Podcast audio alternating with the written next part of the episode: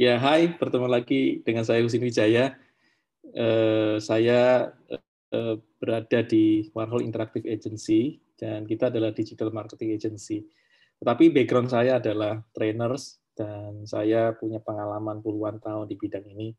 Dan saya beberapa minggu ini mengambil inisiatif untuk memberikan kursus gratis bersertifikat kepada rekan-rekan semua. Mudah-mudahan dengan pelajaran-pelajaran bermutu ini menambah kewawasan eh, rekan-rekan semua dan juga eh, bisa mendapatkan sertifikat yang bisa Anda pakai buat eh, melamar kerja ya. Selamat mencari kerja untuk rekan-rekan semua. Dan hari ini saya akan membahas topik yang sangat sangat populer ya, yaitu adalah B2B selling ya. Dan kita tahu B2B selling ini adalah sebuah cara penjualan dari bisnis ke bisnis yang sangat populer sekali.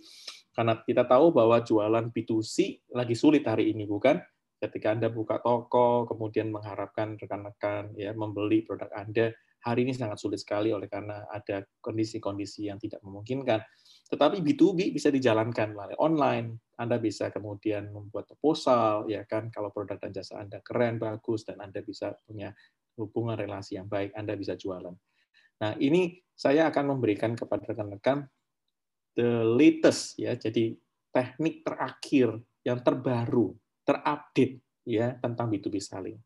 Jadi uh, izinkan saya untuk uh, menyapa rekan-rekan semua. Terima kasih sudah klik video ini. Saya sangat bersyukur kalau Anda merasa uh, video ini sangat bermanfaat, channel ini sangat bermanfaat, jangan lupa untuk subscribe, kemudian klik lonceng dan sebarkan link saya ini kepada semua orang. Ya, link saya ada di bagian atas kalau rekan-rekan perhatikan ya. Jadi ada ada Bitly di situ ya HTTP eh, itu ya bit.ly slash belajar gratis 2021. Silakan saja rekan-rekan yang ingin menyebarkan informasi ini. Saya mengucapkan sangat terima kasih, sangat terima kasih. Kita saling membantu rekan-rekan yang ingin mendapatkan pelajaran gratis dan juga sertifikat untuk eh, melamar kerja ini. Oke? Jadi rekan-rekan sekalian, Eh, jadi saya uh, ingin uh, mengingatkan kembali bahwa Anda bisa klaim sertifikat ini jika Anda dengan jujur mau mengikuti semua programnya dan ikuti semua ya topik di dalam seri tersebut. Misalnya contoh di channel saya ada judul misalnya 100 hari pertama menjadi sales executive sukses.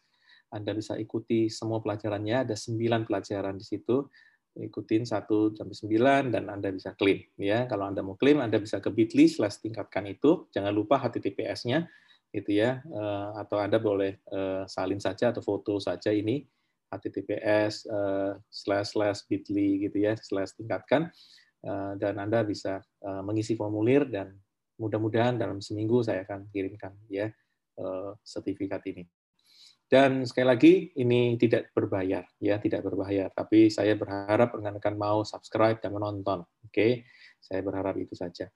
Jadi rekan-rekan sekalian Anda juga bisa ke podcast saya kalau Anda ingin menambah ilmu. Ya, saya eh, juga ada di Spotify. Silakan Anda bisa mendengarkan saya dengan nama Husin Wijaya.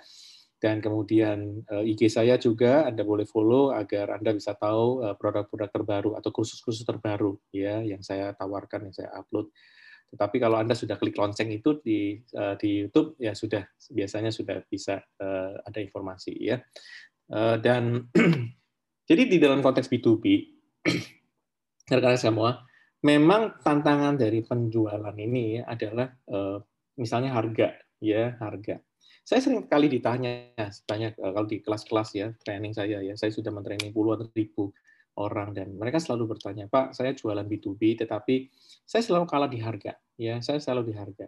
Nah, saya selalu mengatakan bahwa ketika Anda kalah di harga, itu bisa banyak sebab. Tetapi kemungkinan besar adalah si pembeli ini melihat produk Anda itu adalah lebih kurang lebih sama dengan produk-produk yang lain. Nah, ini ada istilahnya kalau di marketing sales itu namanya komoditisasi. Jadi ketika produk Anda itu dianggap komoditi, dianggap generik, sama dengan yang lain, ya kan? Maka mereka pasti akan tekan di harga, betul nggak? Jadi kalau Anda beli dua air minum dalam kemasan, satu merek A, satu merek B, ya dua-duanya air minum air putih itu loh, ya kan? Ya air putih ya. Itu kalau kita beli, karena Anda menganggap sama kan, 600 mili sama 600 mili air putih, air putih sama air putih juga, hanya beda merek. kamu pasti mempertimbangkan harga. Betul nggak? Anda pasti lihat harganya, harga termurah, itulah yang kamu beli. Karena sebenarnya tidak ada benefit lain seperti itu. Sehingga ketika harga itu menjadi determinan yang penting di situ, nah di situlah kemudian Anda ditekan-tekan. Sebenarnya ada juga yang kedua, yaitu adalah hubungan yang tidak, tidak terlalu akrab. ya Hubungan tidak terlalu akrab. Jadi shallow relationship ini adalah masalah B2B di mana-mana kita tidak kenal dia, dia tidak kenal kita. Jadi kita akhirnya sukar banget ya kan untuk menawarkan sesuatu karena ada unsur trust yang hilang di situ, ada unsur kepercayaan yang hilang di situ. Jadi biasanya kita pasti akan eh, ketika bertemu dengan eh, eh, pembeli ini mereka akan bicara seperlunya ya. Saya selalu ketemu di orang-orang yang teman-teman saya di training yang selalu tanya gitu, Pak, saya kalau ketemu klien itu ya, saya paling nggak suka dengan klien yang bicara seperlunya. Nah, menurut saya Kenapa klien bicara seperlunya? Karena dia tidak kenal Anda. Dia belum dekat sama Anda. Kalau sudah dekat, dia pasti banyak cerita kok. Begitu ya. Nah, ini adalah sesuatu yang kita sebut dengan relasi. Tetapi ada masalah ketiga, yaitu berkaitan dengan confidence. Kita kurang percaya diri. Kenapa? Kita merasa bahwa produk dan jasa kita itu nggak cukup untuk memenuhi kebutuhan mereka. Tidak cukup untuk menjawab masalah mereka. Jadi kita merasa bahwa apa yang kita ada hari ini itu kayaknya kurang kurang matching ya, kurang pas dengan needs and wants daripada si pembeli. Maka ketiga aspek ini adalah major issues ya, adalah masalah utama ya di dalam B2B. Sedangkan sebenarnya cita-cita kita nih ya, cita-cita kita, kita ingin sebenarnya apa? Ketika si pembeli ini ya datang pada kita ya kan, kemudian memberikan usulan, eh bro, ini ada produk dan jasa ini nih yang kita mau ini. Kamu ada nggak? Bisa nggak kamu develop gitu ya? Bisa nggak kamu kembangkan? Aku perlu ini. Aku aku eh, aku memerlukan produk ini, jasa ini, gitu ya. Nah pada konteks seperti ini harga sudah tidak ngomongin lagi, tidak dibicarakan lagi. Mereka cuma bicara values. Mereka bicara eh, apa sih benefit yang bisa didapatkan melalui pengembangan produk dan jasa tersebut. Atau yang kedua berkaitan dengan relasi itu, ya kan kita bermimpi bahwa suatu ketika itu si pembeli ini percaya sama kita dan selalu kemudian apa? Menghormati opini kita. Dan kemudian kalau ada kesalahan pun mereka suka maafkan. Kalau kita tidak dekat kesalahan kecil aja bisa jadi besar saudara-saudara. Benar ya? Jadi mereka sebenarnya tidak lagi bicara harga tapi bicara pada motivasi-motivasi yang didasari oleh uh, rasa percaya itu gitu ya. Dan kalau kita bicara confidence kepercayaan diri ya. Kita mau kan ketemu dengan klien dengan dengan kepala tegak kita percaya diri produk kita itu bagus. Kita ingin sekali memberikan apa yang terbaik buat mereka. Sehingga ya values yang kita ingin capai sebenarnya di masa depan itu adalah lebih banyak profit lebih enjoyable work ya. Bisa bekerja dengan lebih enjoy ya kan punya hubungan relasi yang dalam dengan mereka ya kan dan kemudian dengan percaya diri itu kita bisa mengurangi stres kita di dalam bekerja B2B. Ya, jadi anggapan bahwa menjual itu susah sebenarnya bukan bukan susah, tetapi karena percaya diri kita yang kurang gitu loh, ya kan? Kita harus meningkatkan percaya diri kita. Jadi rekan-rekan sekalian, ya di dalam konteks ini saya ingin uh, memberikan uh, satu gambaran mengenai proses penjualan dari masa ke masa. Jadi ini adalah teknik jualan B2B dari masa ke masa. Jadi yang pertama adalah teknik push namanya ya, teknik menekan gitu. Jadi kenapa kita menekan? Oleh karena si pandangan kita ini terhadap buyer, terhadap pembeli itu adalah mereka tuh punya masalah dan kita itu ada solusinya. Makanya kita push dia gitu ya. Jadi kayak kayak dokter terus lihat pasien sakit kita kita kemudian berusaha menyembuhkan mereka begitu. Jadi uh, si salesman-nya ini gitu ya selalu bicara fitur ya bicara tentang uh, apa apa sih keunggulan daripada produk ini. Dan energi mereka fokus kepada apa? Bagaimana mengatasi keluhan, bagaimana mengatasi hambatan gitu ya. Bagaimana bisa close the sales gitu ya. Dan mereka selalu melihat indikator daripada sukses itu adalah bagaimana mereka close the sales gitu ya. Bagaimana mereka bisa menutup penjualan, dapetin omset itu, dapetin project itu gitu ya. Jadi si sales ini ya selalu menggunakan teknik open and close questions ya mereka selalu buka pertanyaan, tanya ini, tanya itu dengan apa dengan dasar apa pengetahuan terhadap bisnisnya si klien ini dan produk yang mereka miliki. Jadi rekan-rekan sekalian, kalau dengar penjelasan saya ini, berapa persen ya, berapa persen dari pengetahuan Anda ya perusahaan-perusahaan di Indonesia yang Anda kenal menggunakan teknik ini? Berapa persen? Anda boleh tulis di komen di YouTube saya, ya saya anjurkan Anda untuk menulis karena saya ingin tahu berapa persen sih perusahaan-perusahaan di Indonesia yang menggunakan teknik ini sepengetahuan Anda gitu ya. Apakah perusahaan Anda masih menggunakan teknik ini? Kasih tahu saya ya. Ya tulis di komen. Yang kedua adalah gaya konsultatif. Ini gaya yang berkali-kali diajarkan ya. Mungkin ini populer sekali ya. Anda mungkin pernah dengar spin selling barangkali teknik spin yang yang sangat terkenal dari Profesor Neil Rackham.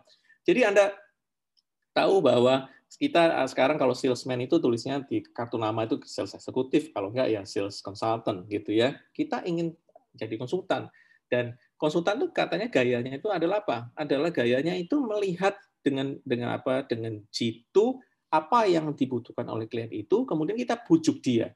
Nah, cara membujuknya itu dengan cara apa? Men, apa, menggambarkan masalah-masalah klien itu. Jadi kita melakukan research dan kemudian menggambarkan masalah itu kepada klien kita dan kemudian menceritakan bagaimana produk kita bisa membantu mereka, gitu ya.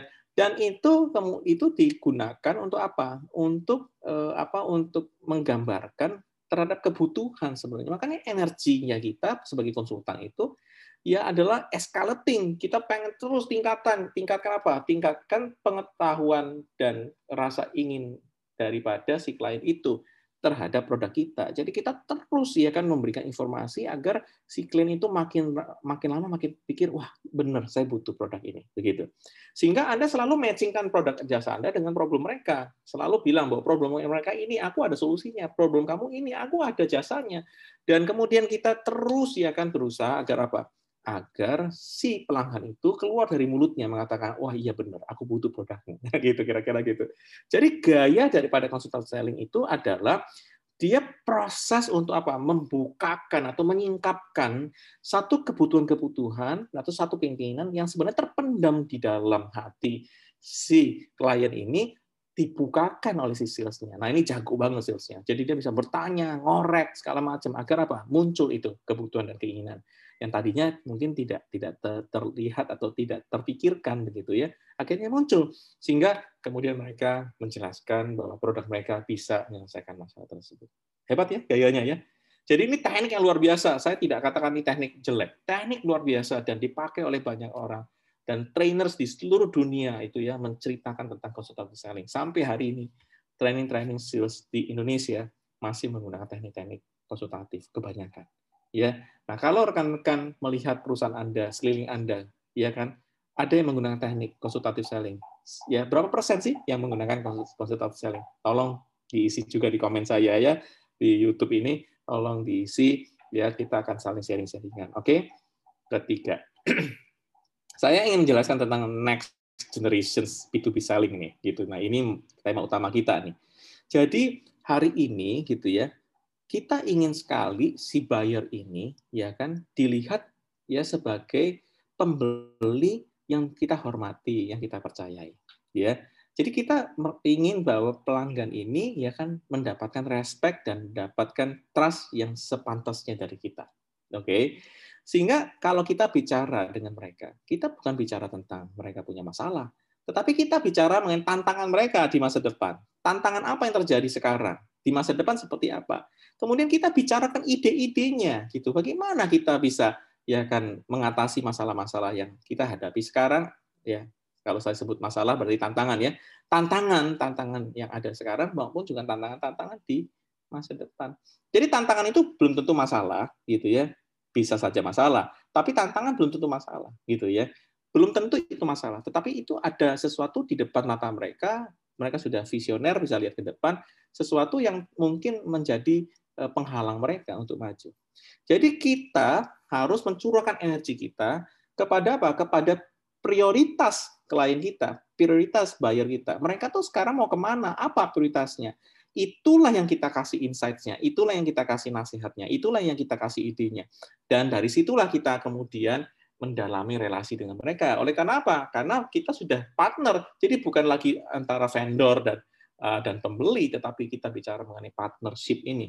Nah, sehingga ketika terjadi uh, continue dialog, yang terjadi dialog yang terus-menerus, ya kan, maka seiring perjalanan itu kita bisa menangkap, ya kan, tantangan itu hambatan itu, masalah itu yang bermunculan setelah itu, dan kemudian kita memberikan mereka solusi-solusi yang berkelanjutan tentunya. Sehingga si salesman ini harus punya motivasi bukan untuk closing sales, tapi bantuin bantuin eh, klien ini, bantuin buyer ini. Sehingga prosesnya ini adalah proses membangun rasa percaya, membangun uh, saling paham, ya saling saling paham, uh, understanding begitu.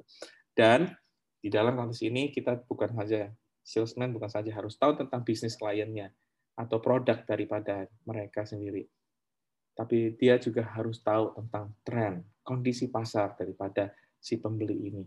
Apa yang di mereka sebut dengan goals itu, ya objektif itu. Dan kita juga harus tahu mengenai budaya ya daripada uh, organisasi tersebut. Jadi rekan-rekan sekalian, inilah seri pertama ya dari topik uh, ultimate B2B selling ya. Mudah-mudahan kita bisa bertemu kembali di sesi yang kedua ya. Sayonara, sampai jumpa. Jangan lupa kalau Anda ingin bertemu saya eh, di sosial media yang lain, Anda bisa ke LinkedIn, ada Husin Wijaya, di sana Anda bisa add saya, atau ke IG dengan uh, uh, akun Husin W, ya. jadi Husinnya H-U-S-I-N-W, gitu ya. Dan terima kasih untuk Anda semua, salam sejahtera, salam bahagia untuk Anda semua. Terima kasih.